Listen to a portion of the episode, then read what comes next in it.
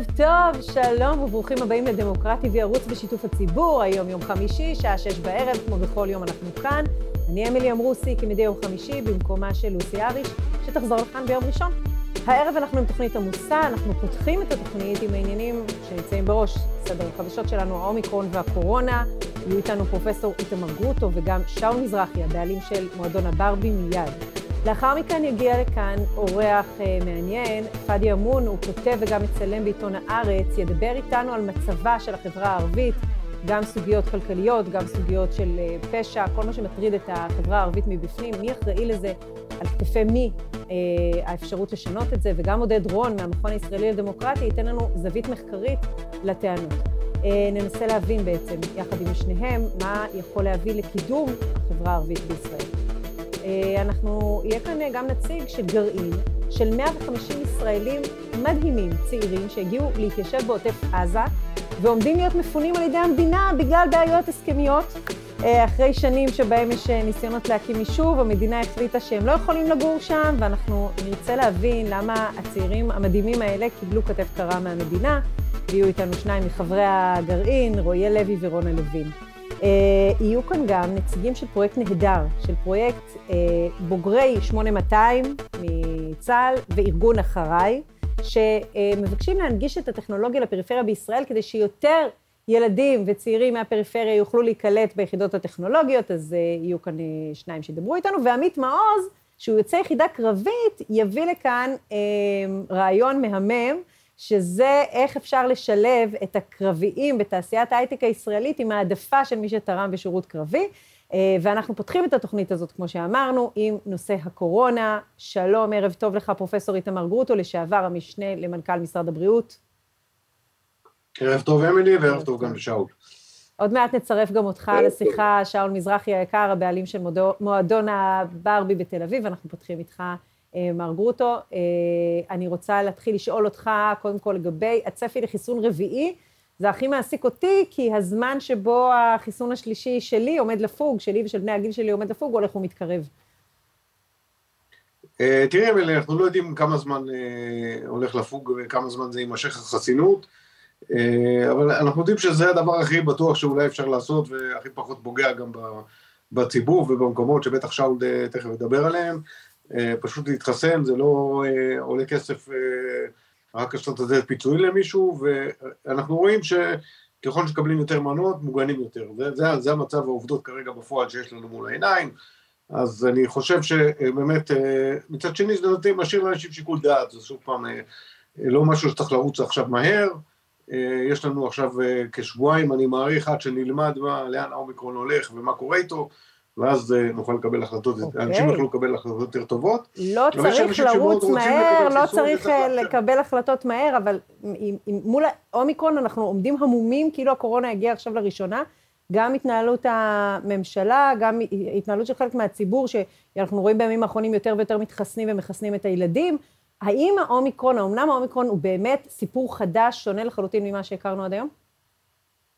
ממש לא. אה, קודם כל, אה, אומיקרון בסוף זה אה, תוצר של, של נגיף הקורונה שאנחנו מכירים, ומה שמסתמן כרגע זה כנראה שהוא גם יותר קל ממה שאנחנו מכירים, אז אלה, אלה החדשות הטובות. יחד עם זאת, בכל זאת יש פה איזה משהו חדש שמתפשט הרבה יותר מהר, זה פתאום איזו מחלה שמתפשטת הרבה יותר מהר. אני חושב שבאמת לא נכון להיכנס כאן לבהלה, אבל מצד שני גם לא לשאננות. וצריך לעשות את הצעדים הנכונים, שבעיקרם זה באמת כמו שאמרתי קודם, באמת ההתחסנות של האוכלוסייה, זה הדרך הכי טובה, והקפדה על תו ירוק, אבל לא להתחיל לפגוע אה, לא ב... אה, כמובן לא בתעופה, שלדעתי לא כלי אפקטיבי בכלל, הוכיח את עצמו, לא הוכיח את עצמו בעבר, לא, לדעתי גם לא הוכיח את עצמו אה, כעת, אני לא חושב שקנינו הרבה זמן, צריך לזכור שגם ככה עובר זמן עד שמגיע גל לישראל, גם בגל הראשון של הקורונה שהיה פחות מדבק, אז זה נקודה מספר אחד, וה... אה, גם אני חושב שבתוך הארץ, אני שמח שהממשלה לא קיבלה כרגע מגבלות, ואני חושב שבכל זאת, אה, למרות שחוסר הוודאות שנוצרת, אפשר כן לשדר איזשהו מסר שאין כוונות אה, ללכת לצעדי קיצון, אני חושב שזה דברים שכבר אפשר לומר, כי אנחנו רואים גם איך מתמודדים עם זה במדינות אחרות כמו באנגליה, שבעצם גם אצלם זה עכשיו מתפשט מאוד מהר, מצד שני הם לא סוגרים מקומות, ממשיכים בפעילות, ממשיכים בתו הירוק, שקיים גם אצלהם, ואלה הצעדים הנכונים. אז איך אתה מסביר את ה... איך אתה מסביר את הטון של ראש הממשלה נפתלי בנט, שממש מבקש להבהיל אותנו, הציבור, ולהזהיר בכל תוקף מפני הגל הגדול שעומד להתרחש עלינו, שמענו גם את הציטוטים מפיה של איילת שקד. איך אתה מבין את זה? אם אתה אומר, בסך אני... הכל אנחנו במצב טוב. אני, תראה, זה לא שאנחנו, יש הרבה מאוד אי ודאות. אה, וכמו שאמרת קודם, מצד שני, אנחנו לא נמצאים בידי one של התפרצות של, אלא שנתיים של, של מחלה. אנחנו כבר יודעים חלק גדול על המאפיינים, אנחנו יודעים שחיסונים הם טובים נגדה, אנחנו יודעים שאפשר לבנות אותה גם לידי המסכות, אנחנו אה, יודעים שיש הרבה מאוד כלים אה, אלטרנטיביים לכלים הראשונים שלנו בהתחלה, של הכלי היחיד שהיה זה היה סגר וסגרים למיניהם. אה, יש לנו גם תרופות נגד המחלה, יכולות האשפוז שופרו, אז אנחנו לא נמצאים באותו מצב, ולכן צריך להתנהל את זה, להתייחס לזה כניהול סיכונים קצת אחר. עם זאת, אני אומר שוב פעם, יש מידה של אי ודאות, והשאלה עד כמה אה, יכול להיות שראש הממשלה נוהים בפני הציבור, הוא לא רוצה לשדר אי ודאות, עדיף לו לשדר איזושהי ודאות. אז, אז יכול להיות שאלה הדברים ש, שנאמרים, אני דווקא לא זיהיתי בטון שלו דווקא, אה, אולי קצת בהתחלה, אבל לפחות בנאום האחרון, לא איזשהו טון של פאניקה אה, והיסטריה, ואני חושב שבסך הכל הדברים, אה, הדיונים בממשלה מסתיימים בצורה טובה, כמו שאמרתי, mm-hmm. לדעתי, ואני מקווה שגם כך ימשיך, אני גם צופה שגם כך ימשיך.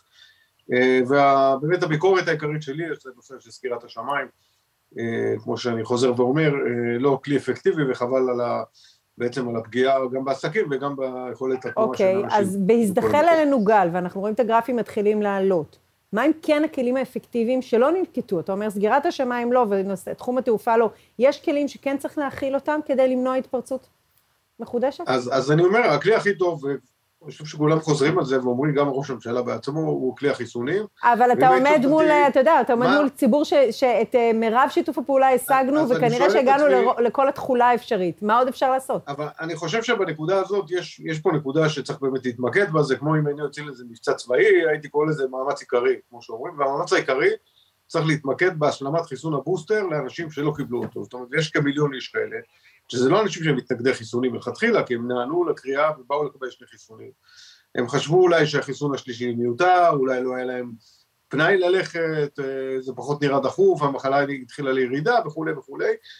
אה, אז עכשיו זה הזמן להזכיר שבכל זאת משהו פה מרים ראש, יש הזדמנות ללכת לעשות את החיסון השלישי, זה דבר בטוח, זה דבר אה, שישמור עלינו מפני האומיקרון בצורה טובה, זו הוכחה טובה מאוד שמי שאפילו בקרב אלה שחוזרים מחו"ל, מעט יחסית אה, לעומת הלא מוגנים, מעט מוגנים אה, אה, נדבקו, יכול להיות שתהיה הדבקה, אבל היא תהיה הרבה יותר קלה, כן. ואין ספק שפה זו האוכלוסייה שהייתי משקיע, ואני שואלת אותי מה הכי חשוב לעשות mm-hmm. עכשיו, זה לתפוס את אותם מיליון שלא באו לקבל את הבוסטר, להגיע אליהם איכשהו ולחסן אותם. כן, שאלה אחרונה, קח אותי עשר שנים קדימה, אנחנו מתחסנים כל חצי שנה, כמו שמתחסנים לשפעת נגיד, החיסונים יהפכו להיות, אתה יודע, כבר חיסון 20 ו-30, וכבר פשוט פעם בחצי שנה, זו יכולה להיות הערכה?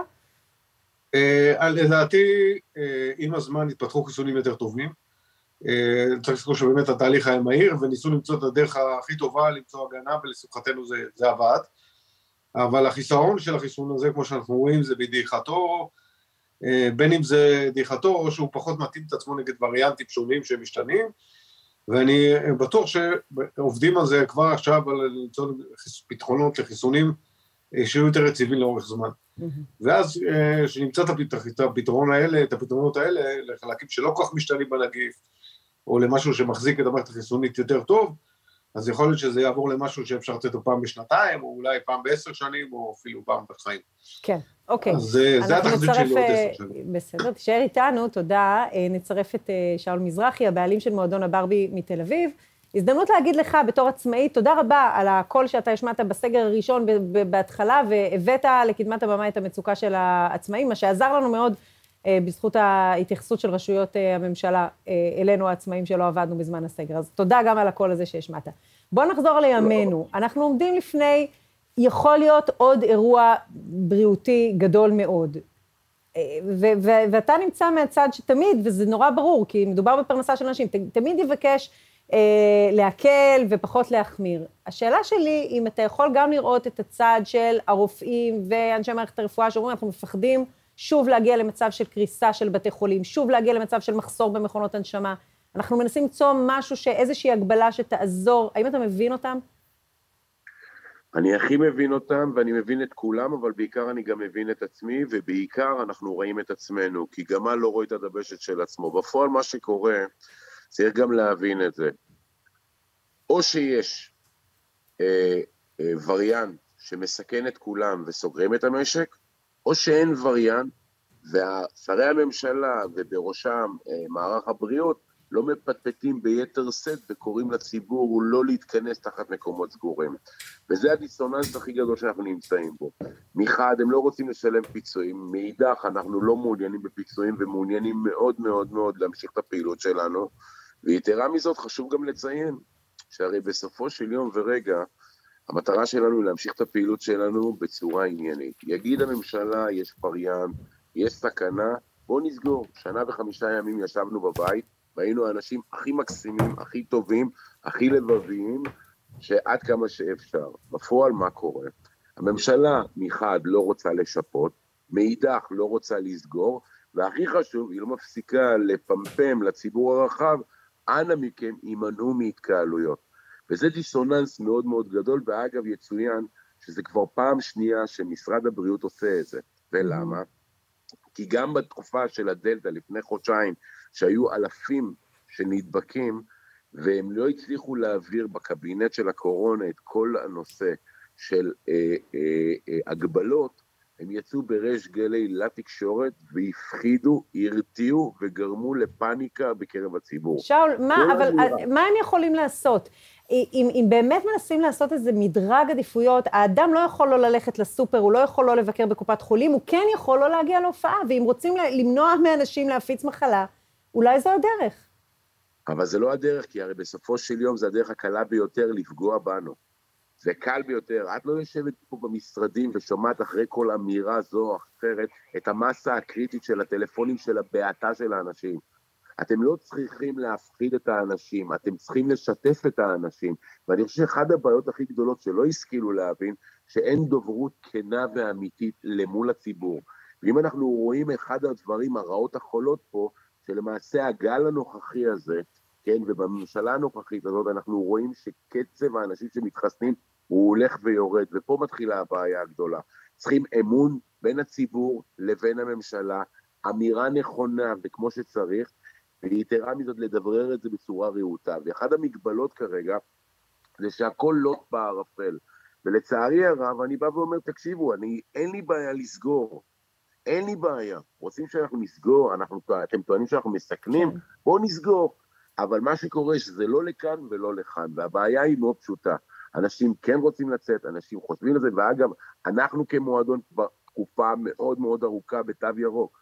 תכילו תו ירוק בכל המקומות, תעשו בדיקות אינטנסיביות בכל מקום ומקום, תדבררו את האנשים בצורה נינוחה, וזה הבעיה. כרגע אנחנו נמצאים בסיטואציה כן. שאנחנו נמצאים כרגע על המדוכה, יושבים מה שנקרא קברניטי הבריאות וטוענים בריש גלי, אל תתכנסו למקומות סגורים. Okay. אוקיי. זה לא מונע, זה רק גורם לבהלה, לפאניקה. כן.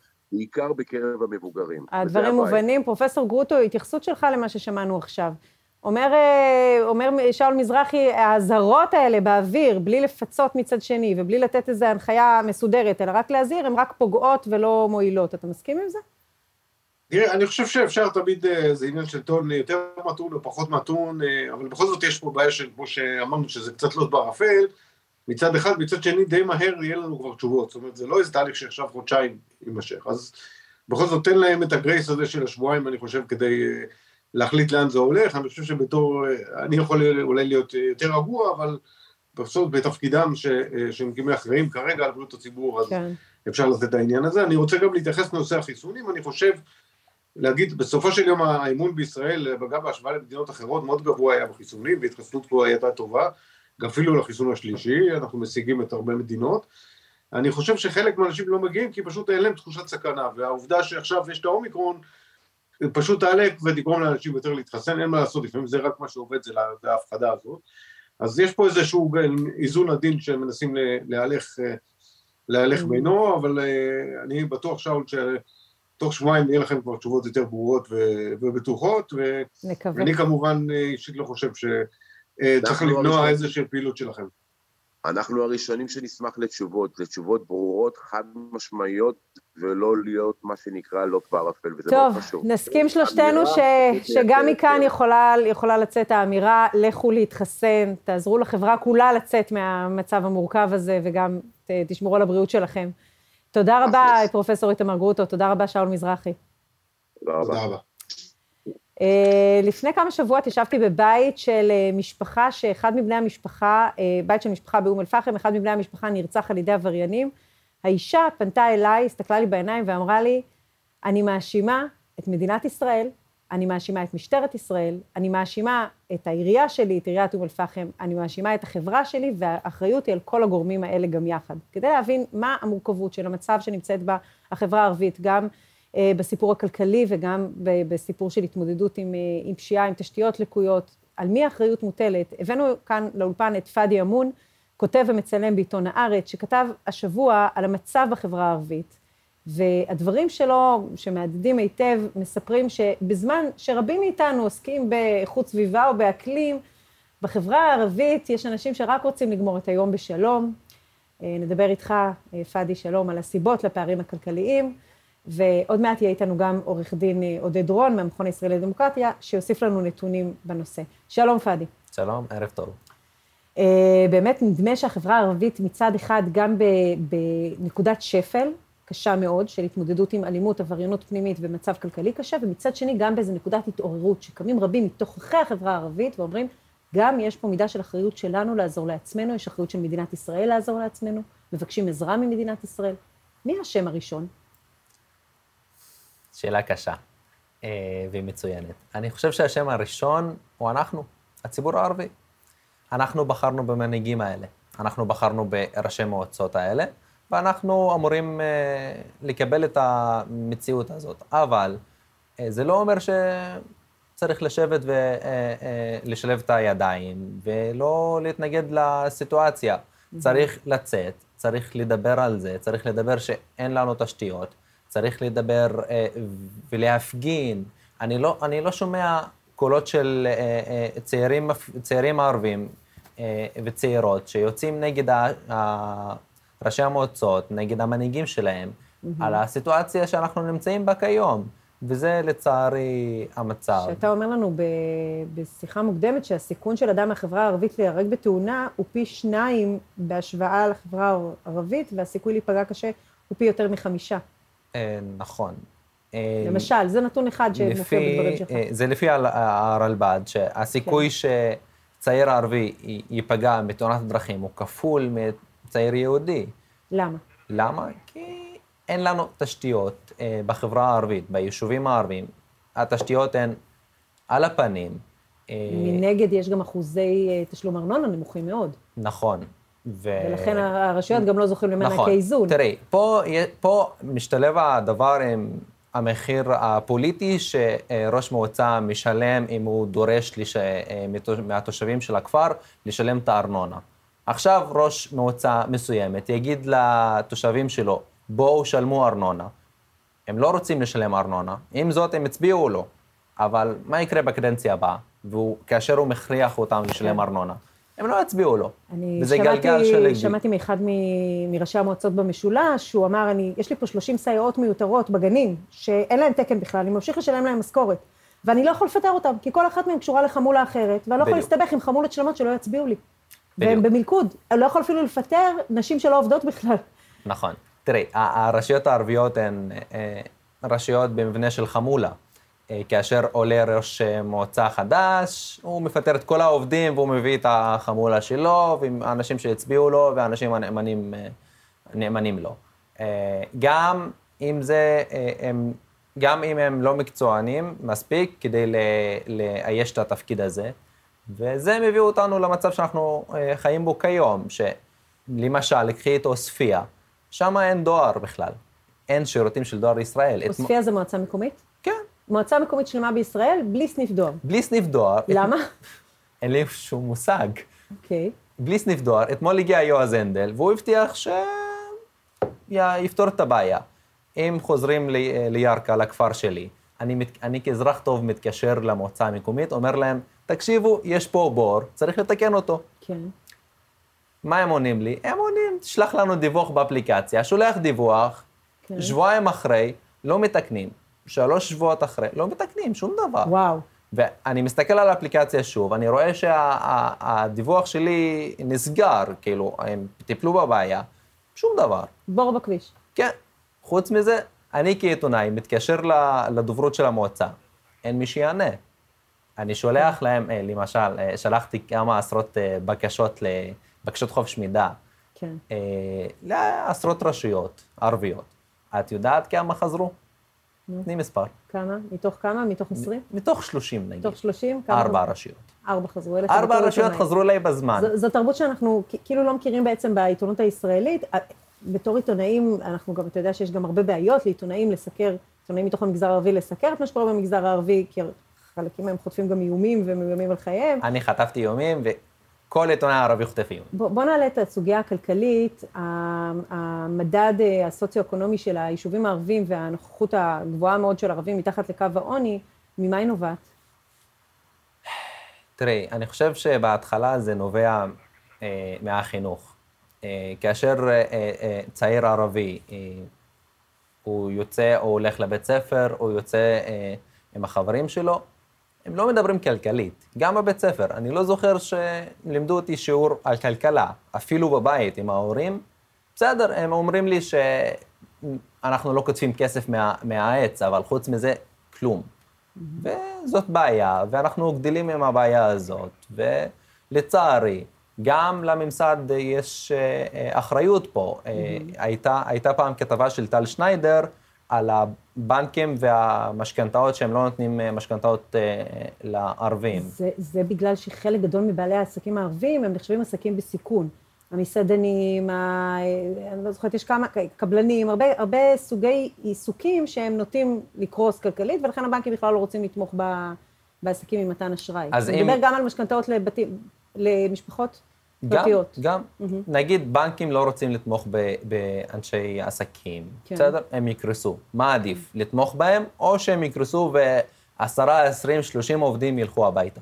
כן. אני חושב שעדיף לתמוך בהם. אה, מה לגבי ההון השחור? בישראל מעריכים שמדובר בעשרות מיליארדים בשנה, שבערים הערביות ובכפרים הערביים נוטים להשתמש בעסקאות אה, במזומן. אני לא חושב שהבעיה היא עסקאות במזומן. אה, תראי, אה, פה... אה, זה יכול אולי לה- להסביר חלק מהפער בין ההוצאות הגבוהות בלמ"ס, שהחברה הערבית מדווחת עליה, לבין ההכנסות הנמוכות בלמ"ס. הם פונים, שה- הם פונים ל- לשוק השחור כי בנקים לא נותנים להם אשראי. כן. אני, לא, אני לא מדברת על הלוואות מהשוק השחור, השחור, אלא על הון שחור, פשוט על, על תרבות של שימוש אה, ללא דיווח אה, לרשויות המיסים, שימוש בכסף ללא דיווח. אני לא חושב שהבעיה הזאת היא הבעיה העיקרית. כן, אי אפשר להתעלם שיש דבר כזה, אה, אבל עם זאת, הבעיות הן יותר גדולות מסתם אה, כמה עשרות אה, מזומנים בשוק אוקיי. השחור. אוקיי. אה, כשאתה שומע את החברים שלך מתל אביב, אני קוראת פה בדברים היפים שאמרת לנו בשיחה המוקדמת, שהתל אביבים יכולים להגיד, למה לא בונים לנו שביל אופניים, או למה אין לנו עמדת טעינה לרכב, לרכב חשמלי, וה- והתחבורה הציבורית הזאת לא מספיקה. מה יגיד הצעיר מירכא? מה תהיה הטענה שלו כלפי הרשות? הטענה שלי, אני רוצה שיצבעו אה, מעברי חצייה, אני רוצה שישימו שלט אין כניסה, אני רוצה כיכר ראוי, אני רוצה גינה, אני רוצה שרכבים לא יחנו על המדרכות. כיום בכל יישוב ערבי אין לאימא עם תינוק או אבא עם תינוק לאן ללכת אה, לסיבוב אה, בשכונה, אין להם. חלק מהישראלים ששומעים אותנו עכשיו אומרים לעצמם, התשתיות המחפירות ביישובים הערביים רואים את זה בעיניים, זה ברור, זה ברור שיש פער נורא נורא גדול. אבל זה בגלל שהם לא משלמים ארנונה, ובגלל שהם לא דואגים לעצמם, ובגלל שהם אולי גם לא שותפים בנטל בחברה הישראלית, אז אה, הם לא נותנים ולא מקבלים. אתה בתור דרוזי, איך אתה שומע את הדברים האלה? גם הכפרים שלנו הם על הפנים, זה לא... זה לא שהדרוזי דרו- במצב דרוזי- יותר טוב. דרוזי הוא לא, דרוזי הוא ערבי גם, כאילו, כן. זה לא שהוא בא מ, מהחלל. זה לא שהכפרים של מי שכן נשא בנטל נמצאים במקום טוב יותר. ממש לא, אני לא חושב. תראי, יש- אני חושב שהבעיה אמורה להיפתר דרך, אה, יש- כאילו אפשר, אפשר לפתור אותה דרך שני אה, דרכים. אחד, או שהמשרד הפנים ילווה המועצות המקומיות וילווה אותם לאורך כל הדרך, איך עושים X, איך עושים Y, איך עכשיו ניגשים למכרז כזה ואחר, או שהמדינה תלאים את התשתיות ביישובים הערביים, כי היא יודעת לעשות הלאמה, ויש כלי מדיניות שקוראים לו הלאמה. וככה המצב ייפתר. ואז כי... המדרכות הלא צבועות, מעברי חצייה הלא צבועים ביישובים הערביים, ימומנו מכספי משלם המיסים, זה שכן משלם ארנונה וכן משלם מיסים? תראי, במקום שהכסף ילך למועצות, כן. ואז הכסף ילך לרחוב, פשוט מאוד שהכסף לא ילך למועצה. אוקיי. קחי למשל דוגמה, אה, בתוכנית אה, של משרד האוצר האחרונה, אה, יש 200 מיליון שקל לסבסוד חלקות לאנשים ששירתו בצבא. כן. זאת חלוקה לא שוויונית, זאת חלוקה שבעיניי לא יעילה בכלל. במקום לחלק, לזרוק כסף מהליקופטרים לסתם דברים, תעודדו בנייה לגובה. זאת גם בעיה שהחברה הערבית אה, סובלת ממנה, שכל בן אדם בא ובונה טריטוריה של 400-500 מטר. כן. ולא מתחשב באחר. כן. ואנחנו נאלצים לסבול. אה, ראינו בנגב שהמדינה ניסתה לכנס את הבדואים אה, לתוך ערים מצומצמות יותר, והם סרבו בטענה של תרבות. סרבו להתכנס לתוך הערים שהמדינה בנתה להם. לא בטוח שבנייה לגובה שהמדינה תציע תקבל אה, אכן, צריך, אישור מהאוכלוסייה. צריך לדבר על הדבר הזה, שהתרבות שלנו אומרת שאני רוצה טריטוריה משלי. כן. רובם ככה, אבא שלי ככה, בסדר? כן. אני לא. אני בגישה של, אתה רוצה תחבורה ציבורית טובה? יפה. אתה רוצה אה, אה, אה, אינטרנט של סיב אופטי? מעולה. אבל עם זאת, אי אפשר לקבל את אותם, אותם דברים בלי שאנחנו אה, חיים, אה, כאילו, בלי שנחיה בצפיפות מסוימת. למה?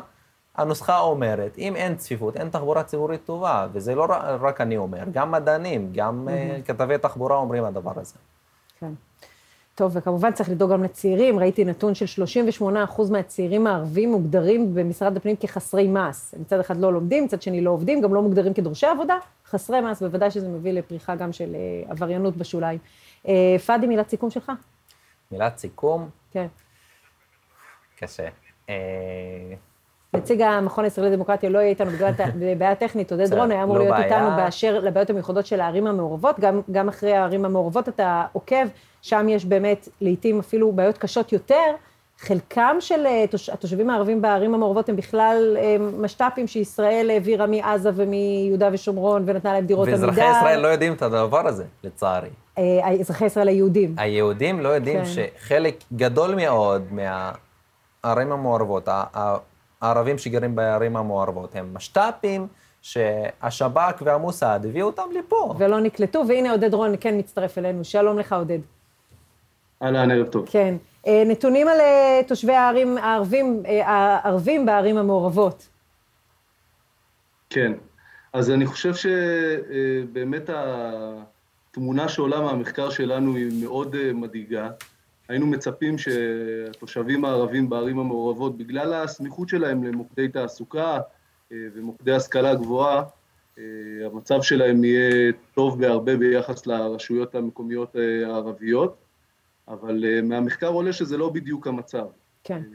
ואנחנו רואים גם סוג של סטגנציה, בעיקר בקרב גברים ערבים, אבל גם בקרב נשים, כש... בכלל החברה הערבית אנחנו רואים מגמות אחרות ב... ועד כמה זה כרוך, עד כמה הפערים הגדולים שיש כרוכים בזה שמה שהזכרנו מקודם, שבעצם מדובר באוכלוסיית מהגרים שלא יכלה להיקלט בשום חברה, לא בחברה היהודית ולא בחברה הערבית, כי רבים מהם, אלפים מהם, מהתושבים הערבים בערים המעורבות, הם אה, אה, משתפי פעולה לשעבר עם ישראל, שהגיעו מהרשות הפלסטינית, חברה הערבית סרבה לקלוט אותם, וגם בחברה היהודית הם לא נקלטו. עד כמה זה כרוך אחד בשני? אני, אני, אני חושב ש, שיש בהחלט קשר, ואולי בכלל, אם נסתכל ב, על הערים המעורבות ממבט על, אפשר להגיד שהתושבים הערבים בהם אה, נופלים בין הכיסאות. אה, אין להם אה, ייצוג פוליטי אפקטיבי. וגם לא ייצוג מקצועי משמעותי בעירייה, בטח כשאנחנו מדברים על מוקדי קבלת ההחלטות והתפקידים של נושאי המשרה הבכירים בעירייה. אז במובן הזה, לצערי, זה מצב לא כל כך מפתיע ש, שבאמת הם נופלים בין הכיסאות בהינתן הסיטואציה הזאת, וגם, כמו שאמרתם, הרכב האוכלוסייה השונה. אנחנו ממש על זמן קצר איתך, לצערנו, היה לנו איזו בעיה טכנית לצרף אותך. נתון אחד שהפתיע אותך בדוח שאתם ערכתם, במחקר שלכם? אז שוב, אני חושב גם אם מדברים על השכלה גבוהה, אנחנו רואים שעל פני עשר שנים שנבחנו, אין עלייה משמעותית, בעיקר בקרב גברים ערבים. אנחנו כן רואים מגמה של אקדמיזציה של נשים ערביות בערים המעורבות, שזה מתחבר גם למגמה כלל ארצית בחברה הערבית. בקרב הגברים אנחנו לא רואים את התמונה הזאת, אנחנו כן רואים סטגנציה, ודי מפתיע שרק עשרה אחוזים מקרב הגברים באוכלוסייה הערבית יש להם השכלה אקדמית, כשאם צוללים לתוך ערים ספציפיות כמו לוד ורמלה, אנחנו יותר מתקרבים לחמישה אחוזים. וואו. וזה מדאיג מאוד. כן. אנחנו נאלצים לסיים, אני מודה לך מאוד שהצטרפת אלינו לזנב הראיון, עודד רון מהמכון הישראלי לדמוקרטיה, עם דוח חדש על מצב הערבים בערים הערביות. פאדי אמון, תודה רבה. תודה רבה. תודה רבה, בערים המעורבות. כן, אמרתי הערים הערביות, התכוונתי המעורבות. תודה, תודה לשניכם. Uh, טוב, תשמעו, יש מי שרוצים לממש את הציונות בפועל ולהקים יישוב בעוטף עזה ולהתיישב שם למרות המרחק ולמרות האיום הביטחוני, ו-150 צעירים מגרעין הראל שכבר יושבים בשטח קיבלו הודעה מהמדינה שהם צריכים להתפנות. אנחנו רוצים להבין איך דבר כזה קורה.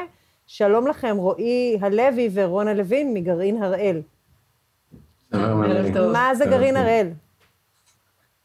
גרעין הראל זה קבוצה של גרעין של למעלה מ-80 מבוגרים וכ-60 ילדים. אחלה חבר'ה שעוסקים ב, בכל מיני מקצועות, כמו הוראה והייטק, עובדים סוציאליים, עצמאים, שהתאספו באמת מתוך חיבור למדבר ואהבת הארץ, כדי לרדת לנגב. להגשים את החלום הציוני ולהפריח את השממה. כן, איפה אתם מתיישבים? באיזה שממה אתם מתיישבים? אנחנו, נמצ... אנחנו נמצאים כרגע במחנה זמני, זה נקרא מחנה זמני, זה סטטוס שבעצם יישוב זמני שהחטיבה להתיישבות הקימה כאן, בעצם באשכול, בעוטף עזה. Mm-hmm.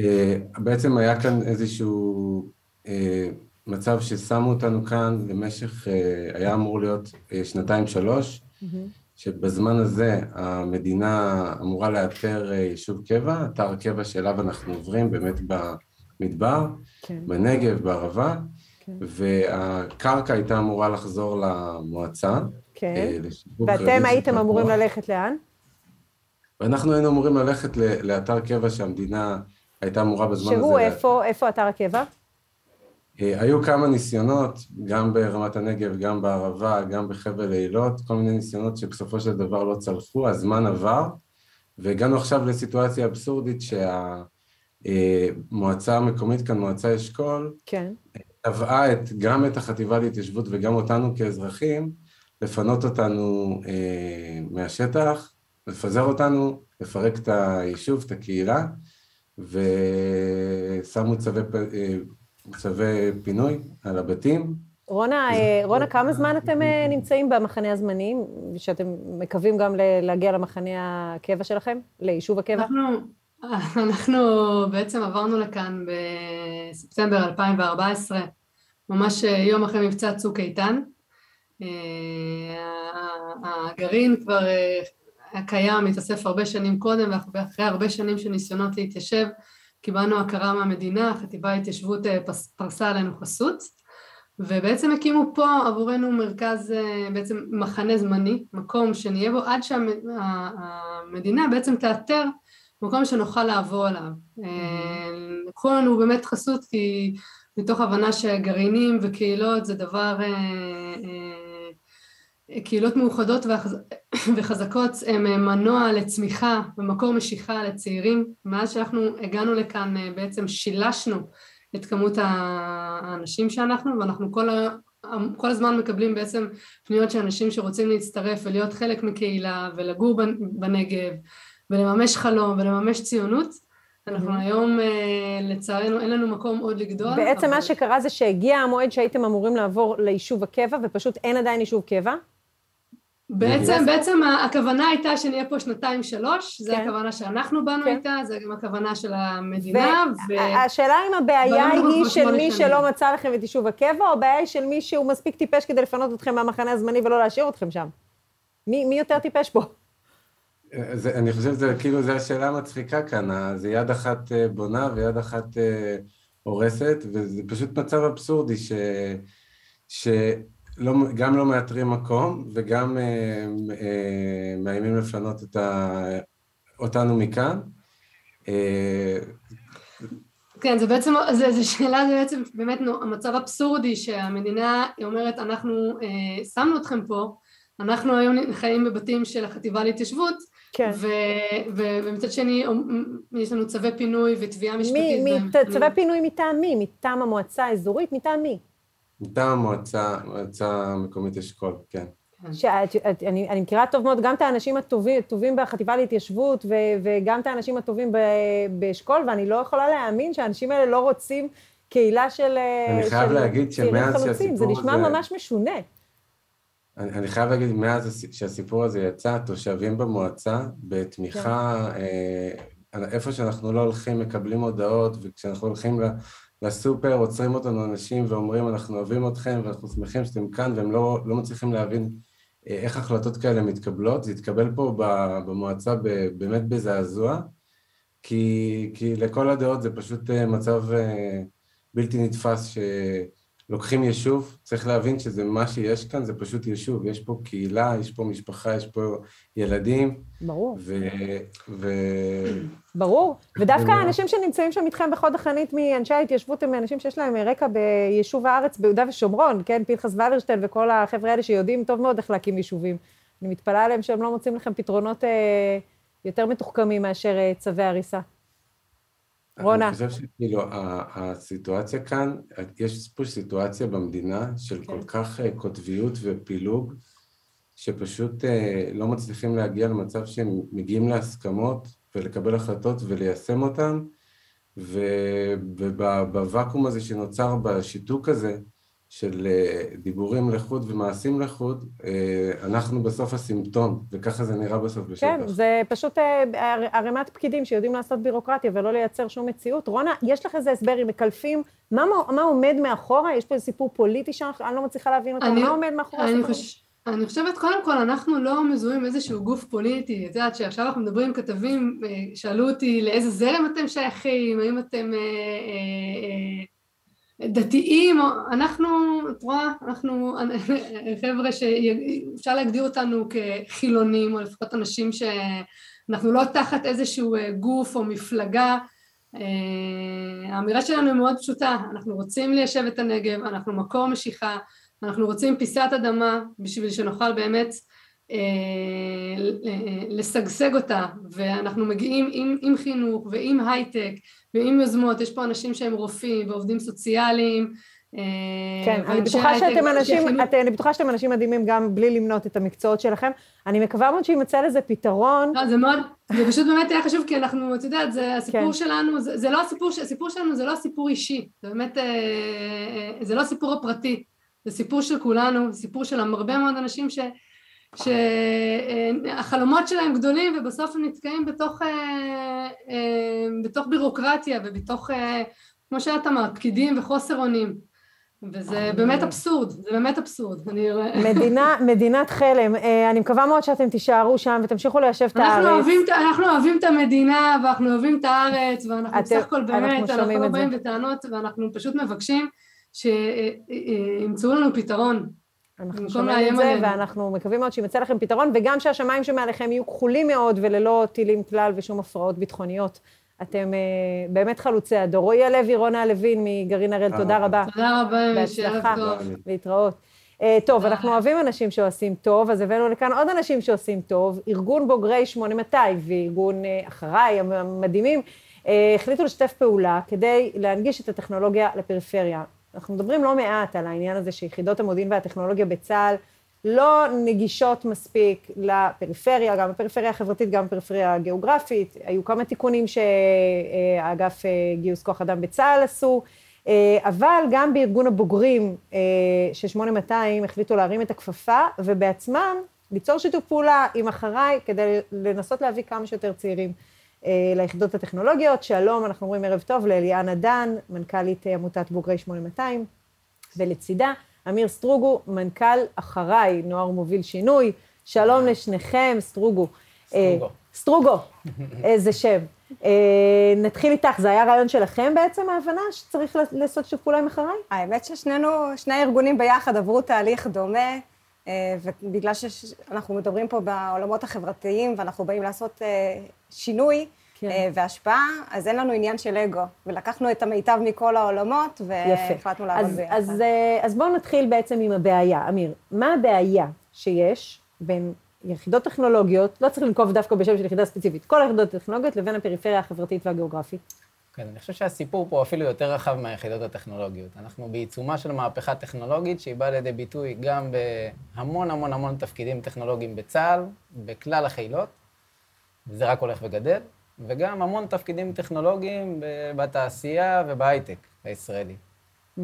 וכחלק מרצוננו לקדם שוויון הזדמנויות אמיתי בחברה הישראלית ולאפשר באמת לכל נער ונערה, לא משנה מאיפה הם ומה בדיוק, איזה שפה הם מדברים בבית ואיפה הם גרים בארץ, mm-hmm. לאפשר להם את ההזדמנות לקחת חלק ולהביא את הכישורים האמיתיים שחבויים, או אפילו כן. קצת גלויים, לידי ביטוי, ולהיכנס לתוך המגמה הזאת. ואז אליאנה, איך עושים את זה? כן, אז אני אגיד שכמו שיש ילדים שיודעים שמישהו הגיע לירח, אה, אז אותו דבר בעולמות ההייטק, כן? זאת אומרת, אה, יש, יש נערים שגדלים ביישובים מסוימים ומבינים שיש הייטק ויש תעשייה, אבל זה לא נמצא במנעד החלומות שלהם. ולפעמים אנחנו הרבה שומעים את הביקורת על כמה מתגייסים ליחידות טכנולוגיות, אבל בעצם הבעיה לא נמצאת שם. הבעיה היא הרקע שאיתה מגיעים. הרי בסופו של דבר כשמגיעים לצו ראשון, בודקים מה למדת בתיכון, איזה מגמות אתה לומד, ומה ההכשרה שלך לפני, כדי שתהיה לך בכלל את האפשרות להתמיין לתפקידים האלה. Mm-hmm. אז אנחנו בעצם הבנו ששורש הבעיה נמצא במקומות האלה, ולכן החלטנו לעבוד עם תלמידים אה, בגילי תיכון, מכיתה י', mm-hmm. ולהקנות להם כלים טכנולוגיים. אה, בבתי הספר? איפה זה קורה? אנחנו עובדים עם הרשויות המקומיות, כמובן, שהן שותפות שלנו, ואכ"א, כן. אה, וכמובן שתי העמותות. אנחנו עובדים אחר הצהריים, אבל בשיתוף פעולה מלא עם הרשויות המקומיות, עם, mm-hmm. עם חניכים מבתי הספר אה, בכל היישובים. דרך אגב, בחלק מהיישובים זה, זה הדרך היחידה שלהם למעשה ללמוד אה, טכנולוגיה, כי לא תמיד יש מגמת מדעי המחשב, וגם אם היא קיימת, אז היא שמורה למתי מעט, ואנחנו אומרים, כל מי שאומר, ואומרת כמובן, רוצים, רוצים אנחנו, מוזמנים לתוכנית, בלי מיון ובלי סינון. לא צריך סינון. להתקבל לזה? כל, רק לרצות. אמיר, ול... מה, זה, מה זה אומר פריפריה? מי סופרים בפריפריה? קודם כל, אנחנו עובדים עם כולם. הילד. שלי, ירושלמי, רוצה להתקבל לתוכנית הזאת, יש לו איך להגיע אליה? בברכה גדולה. אנחנו מאמינים, קודם כל, באחריי, שכל החברה הישראלית צריכה להיפגש וצריכה להכיר אחד את השנייה, ולכולם יש מה ללמוד אחד מהשנייה. ולכן אנחנו אה, פועלים בקבוצות שהן הטרוגניות. וגם הילד או הילדה שלך מוזמנים, וכמוהם יש רבים. אה, מיישובים ומשכונות במצב סוציו-אקונומי גבוה יותר, לצד יישובים ושכונות במצב סוציו-אקונומי נמוך יותר. המפגש הזה מחולל קסמים. עבור כולם, אגב. וביחד, אוקיי, כל אחד... ואז, לא... אליאנה, הילד הזה נחשף לעולם טכנולוגי, לומד קצת, אבל במיונים לצה"ל, איך אתם עוזרים לו להיכנס כשהוא מגיע מהפריפריה? אז קודם כל חשוב להבין שגם זה פער שקיים בין פריפריה ומרכז. שכל הגישה לצו ראשון היא שונה לחלוטין. זאת אומרת, כשאתה מגיע לצו ראשון, אני לא מדברת על המכונים שמכינים אה, לצו ראשון ו- ולמיונים, אבל אפילו בשלב מוקדם יותר, לבוא מוכן לצו ראשון, לדעת מה המשמעות של הדבר הזה, לבוא אה, מבושלים לתוך הדבר הזה ולהבין שזה בעצם הזדמנות חד פעמית לעשות את התהליך של המיונים, ולדעת לדבר על החלומות ומה אני רוצה להיות ומה אני רוצה לעשות, וגם להגיד, יש לי ידע טכנולוגי, mm-hmm. אני מסוגל. Mm-hmm. אה, אוקיי, ואז זה אומר שאיפה הילד הזה פוגש את צה"ל? כאילו, איך צה"ל פוגש אותו? עדיין אני לא מבינה איך את פותחת לו את הדלת. את נכנסת גם בתוך ה... אה, לתוך המערך הצבאי בתור עמותת בוגרי 8200? קודם כל, אנחנו לא מתערבים לצה"ל בתהליך המיון okay. אה, אוקיי. בשום פנים ואופן. תהליך המיון יכול. לתת איזושהי הקלה לילד שמגיע מהפריפריה, או שהוא לא מתייחס לזה? אני, אני חושבת שלא מדובר פה על הקלה בכלל. אה, צה"ל צריך את האנשים הטובים ביותר, אבל יש הרבה אנשים טובים שפשוט לא נחשפו מעולם לעולמות האלו, ולא למדו את זה בשום מסגרת אחרת. ואז באופן טבעי הם לא יכולים להתקבל לתפקידים כאלה. מה שאנחנו עושים, אנחנו מתחילים איתם דווקא בכיתה י', שזה שנה לפני הצו הראשון, י', י"א וי"ב, ומכינים אותם באמצעות קורסים שגם מלמדים שפת תכנות וגם את עולמות היזמות, אבל גם כמובן את כל הסיפור של הכנה מדהים. לשירות משמעותי וערכים ומנהיגות, כדי שיבואו מוכנים יותר לתהליך. מדהים, נהדר. כמה אנשים וכמה גברים, כמה צעירים וכמה צעירות מ- נכנסים לתוכנית הזאת? זאת אומרת, אני מניחה שהביקוש באופן טבעי, כי אנחנו רואים שבנות פשוט פחות מגיעות לזה. כן, שהביקוש אז- באופן טבעי הוא של יותר האמת בנים. שזה יעד מאוד מרכזי אצלנו, שיהיו גם הרבה בנות, נשים שמשתלבות, כי הכישורים נמצאים שם. זה לא יושב על כישורים. זה לפעמים יושב על סטיגמות, ולפעמים יושב על נורמות, ולפעמים על תופעת עדר, ולשמחתי יש יותר ויותר בנות שמצטרפות למרכזים. אנחנו היום עם 22 מרכזים, שזה לא מעט, כמו שליאנה אמרה, בשותפות עם הרשויות המקומיות, ובזכות בנק לאומי וכמה שותפים יקרים ונהדרים יצאנו לדרך. אבל כדי שבאמת הדבר הזה יהיה נגיש לכל נער ונערה שרוצים uh, לקחת חלק, אנחנו עכשיו יצאנו בקמפיין מימון המונים, כדי לאפשר גם לציבור הרחב לעזור לנו להרחיב את עליתם התוכנית. פה על משהו, לא, באמת, עליתם על משהו שבאמת היה נדרש, ו- ולא, וזה נכון שזה באמת לא נגיש לאוכלוסיות אה, רבות, גם מגזרים רבים, גם חרדים, מגזרים, אני לא יודעת, אתם עובדים בחברה. החרדית? בוודאי, אנחנו עובדים בחברה החרדית. אגב, הכשרה טכנולוגית וחינוך לערכים זה דבר שרלוונטי גם לאוכלוסיות שלא מתגייסות לצבא, ולכן אנחנו רואים את התוכנית הזאת, ככל שהיא תצליח, כן, גם בקרב בשורה חרדים פוטנציאלית, וערבים. גם בקרב חרדים וערבים, שכמקפצה, אה, ממוקדת אגב, בלי אולי כן. להשלים בגרויות ולהשלים פסיכומטרי ולצאת לשלוש שנים תואר וכולי, איזושהי הכשרה מאוד מאוד ממוקדת, בהיבט הזה כן, שמחה יהי גדולה רצון, יפה. ליאנה, כן. מילת סיכום? כן. כן, אני רק אגיד שאנחנו גם פועלים כמובן אה, לא רק ביישובים יהודים, היה פה אה, לפנינו כן. דובר מירכא, אז גם בירכא אנחנו נמצאים וגם בג'וליס, ואני אגיד שבעצם המטרה האמיתית מבחינתנו זה לא השירות הצבאי.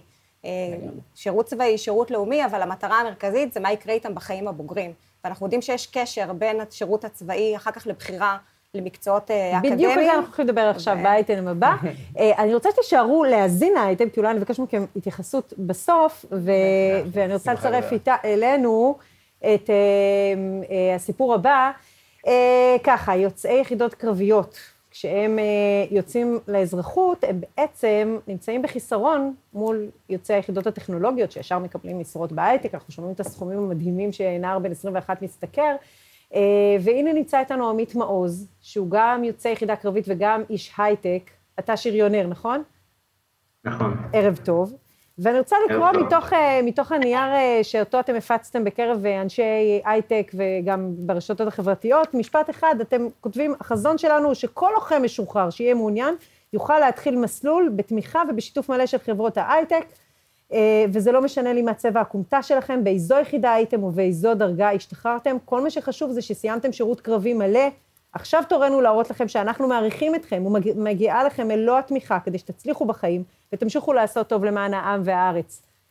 תסביר.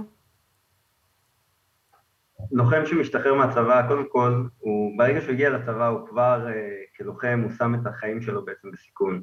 הוא יודע שאם קורה משהו, יש מלחמה, הוא יודע שהוא יהיה שם, הוא יודע שהוא עלול לא לחזור, או לחזור פצוע. אני אישית, אה, אני נכה צה"ל, אני נמצאתי בלבנון, אה, אז יש סיכון בעצם. עכשיו, כל אה, מי ש... או רוב מי שמשרת בצבא אה, בעצם מבצע את תפקידו, וכולם, כל תפקיד הוא חשוב, כמובן, אני לא מזלזל באף אחד, והחבר'ה ב-8200 או בכל יחידה טכנולוגית אה, עושים עבודת קודש. אבל בערב הם חוזרים הביתה למיטה שלהם, והם יודעים שהם יחזרו, כלומר, הם לא חיים תחת סיכון. בלי הלוחמים הצבא לא יכול להתקיים. כשהלוחם משתחרר בעצם, הוא אה, מתחיל את החיים מחדש, אה, מנקודת האפס, הוא צריך לבנות את עצמו מחדש, הוא לא יוצא עם מקצוע.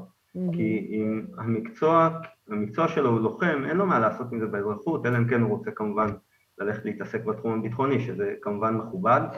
אה, אני חושב, אנחנו חושבים, שהגיע הזמן ש... שכל לוחם שמשתחרר יוכל לבחור אחד מכמה מסלולים. אני אישית בא מההייטק, וכמובן באופן טבעי אני לוקח לכיוון הזה, אבל אין מניעה שזה יהיה כל, כל מסלול אחר. מה שחשוב, שתהיה נחיתה רכה לאותו לוחם באזרחות, אה, כדי שיוכל להתחיל את החיים ולא להמשיך לצבור עוד פער. שהקריאה שלכם במיזם שלכם זו קריאה שיוצאת ליזמי הייטק, למנכ"לי חברות הייטק, להעדיף או לבקש לה, להביא אליהם אה, בוגרי יחידות קרביות, שזה מנוגד לאינטרס שלהם, הרי הם רוצים מי שיתמקצע בתחום הטכנולוגי, למה שהם יעשו את זה? זה לא מנוגד לאינטרס שלהם, זה לא מנוגד לאינטרס שלהם בכלל, כי מדובר באנשים מאוד איכותיים, ומה שיש להם להציע, מה שיש להם להביא לשולחן, קשה למצוא במקומות אחרים. זה אנשים מאוד נחושים, חדורי מטרה, שיודעים לעבוד בצוות, אה, ויש להם הרבה, אה, כל מה שהם עברו בצבא זה, זה בעצם חוויות שאין להן שום תחליף בשום מקום אחר mm. בעולם. זה דבר ראשון. עכשיו זה גם מתחבר לעוד בעיה, שהאמת, אה, יש כאן שתי בעיות שקשורות למדינה באופן מאוד חזק. הבעיה הראשונה היא, אם אנחנו לא דואגים היום ללוחמים אחרי שהם משתחררים, אז בעוד עשר שנים מי ירצה ללכת להיות לוחם? הילדים כבר היום שואלים אותי, כשאני מדבר איתם בהרצאות לפעמים בבתי ספר, שואלים אותי, תגיד, אתה מרגיש פראייר שהלכת להיות לוחם וגם ביצעת ואחר כך... אז, אז לא, זה לא, זה בכלל, ילד במדינת ישראל לא צריך בכלל לעלות על, במחשבה שלו את המונח פראייר כשמדובר בלוחמים, לא יכול להיות. אני לא גדלתי ככה ואין סיבה שהילדים יגדלו ככה. אז זה דבר ראשון, מי יילחם פה על המדינה בעוד עשר שנים. עכשיו מעבר לכך יש גם בעיה של חוסר באנשים בהייטק, זו בעיה מאוד ידועה. אנחנו בעצם מציעים כאן פלח שוק שלם שאנשי ה-HR היום בכלל לא רואים אותו.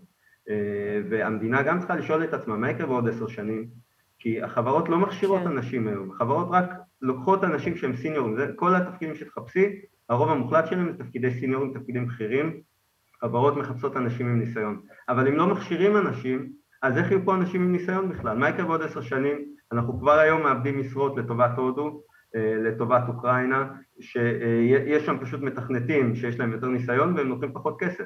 אז גם מרכזי הפיתוח ייפתחו שם בסופו של דבר, ייסגרו כאן מרכזי פיתוח, המדינה תרוויח פחות מיסים, אז זה בעצם כמה בעיות שכולן מתחברות אחת לשנייה. כן. מה שאנחנו רוצים זה לצמצם את הפער, אנחנו רוצים שלוחם שמשתחרר יוכל לבחור במסלול מהיר, לעבור קורס של כמה חודשים ולהתחיל לעבוד כבר בתחום שלו, לצבור ניסיון, ולא עכשיו להיות מאבטח, שזה כמובן בלי לזלזל כן. בעבודות אבטחה או מלצרות או שליחים, אבל בעצם הם מתחילים לעבוד במקצוע שלהם רק בשנה השלישית. כן. אז כן. שלוש שנים הם צברו פער, מה עשינו בזה? יפה. בעצם יש להם פער של שלוש ש... שנים. מי שצופה בנו ואולי אה, הוא, אה, יש לו משרות להציע ליוצאי יחידות קרביות, לאן הוא יכול לפנות כדי אה, להתחבר למיזם שלכם? רק בקצרה בבקשה. כמובן, כן. כבר היום יש המון המון עמותות מדהימות ודיברנו עם הרבה מאוד. המטרה שלנו זה לא, אנחנו לא, לא אין, אין מקום לפתוח עוד עמותה, מה שאנחנו רוצים לעשות זה לחבר את כל העמותות, אנחנו גם בקשר עם, עם מנהלת שער לעתיד של צה"ל, שזה משהו מאוד חדש. המטרה שלנו זה ליצור איזשהו חיבור בין כולם כדי לתת מענה לכמה שיותר לוחמים. אה, בקרוב אנחנו נפתח את הפייסבוק אה, ונעלה את כל הפרטים, נפתח פורמס כדי שאנשים יוכלו להירשם, אה, גם עמותות, גם לוחמים שהשתחררו או שעומדים להשתחרר, okay. אוקיי. וכמובן, כמובן, הכי חשוב, מעסיקים שמחפשים אנשים טובים. כי לנו, כבר היום פנו אלינו המון אנשים, יש כן. לי כבר מאגר של קורות חיים שספורדית אני יכול לתפור. המטרה זה לעשות משהו, לבנות איזשהו תהליך שיתגלגל אה, וייתן מענה לכמה שיותר. עמית מעוז, בתוכנית לשילוב יוצאי יחידות קרביות בהייטק, רעיון יפה מאוד, תודה. תודה רבה. אליאנה דן ואמיר סטרוגו, התייחסות קצרה שלכם? כן, אני חייבת להגיד, יש פורום מדהים של מנהלי עמותות הבוגרים של היחידות הצבאיות, שאנחנו כולנו עובדים ביחד ונמצאים שם גם 8200 וגם אה, ממר"ם, אבל גם אגוז ושלדג וצנחנים, אה, כן. שהיה בכותרות.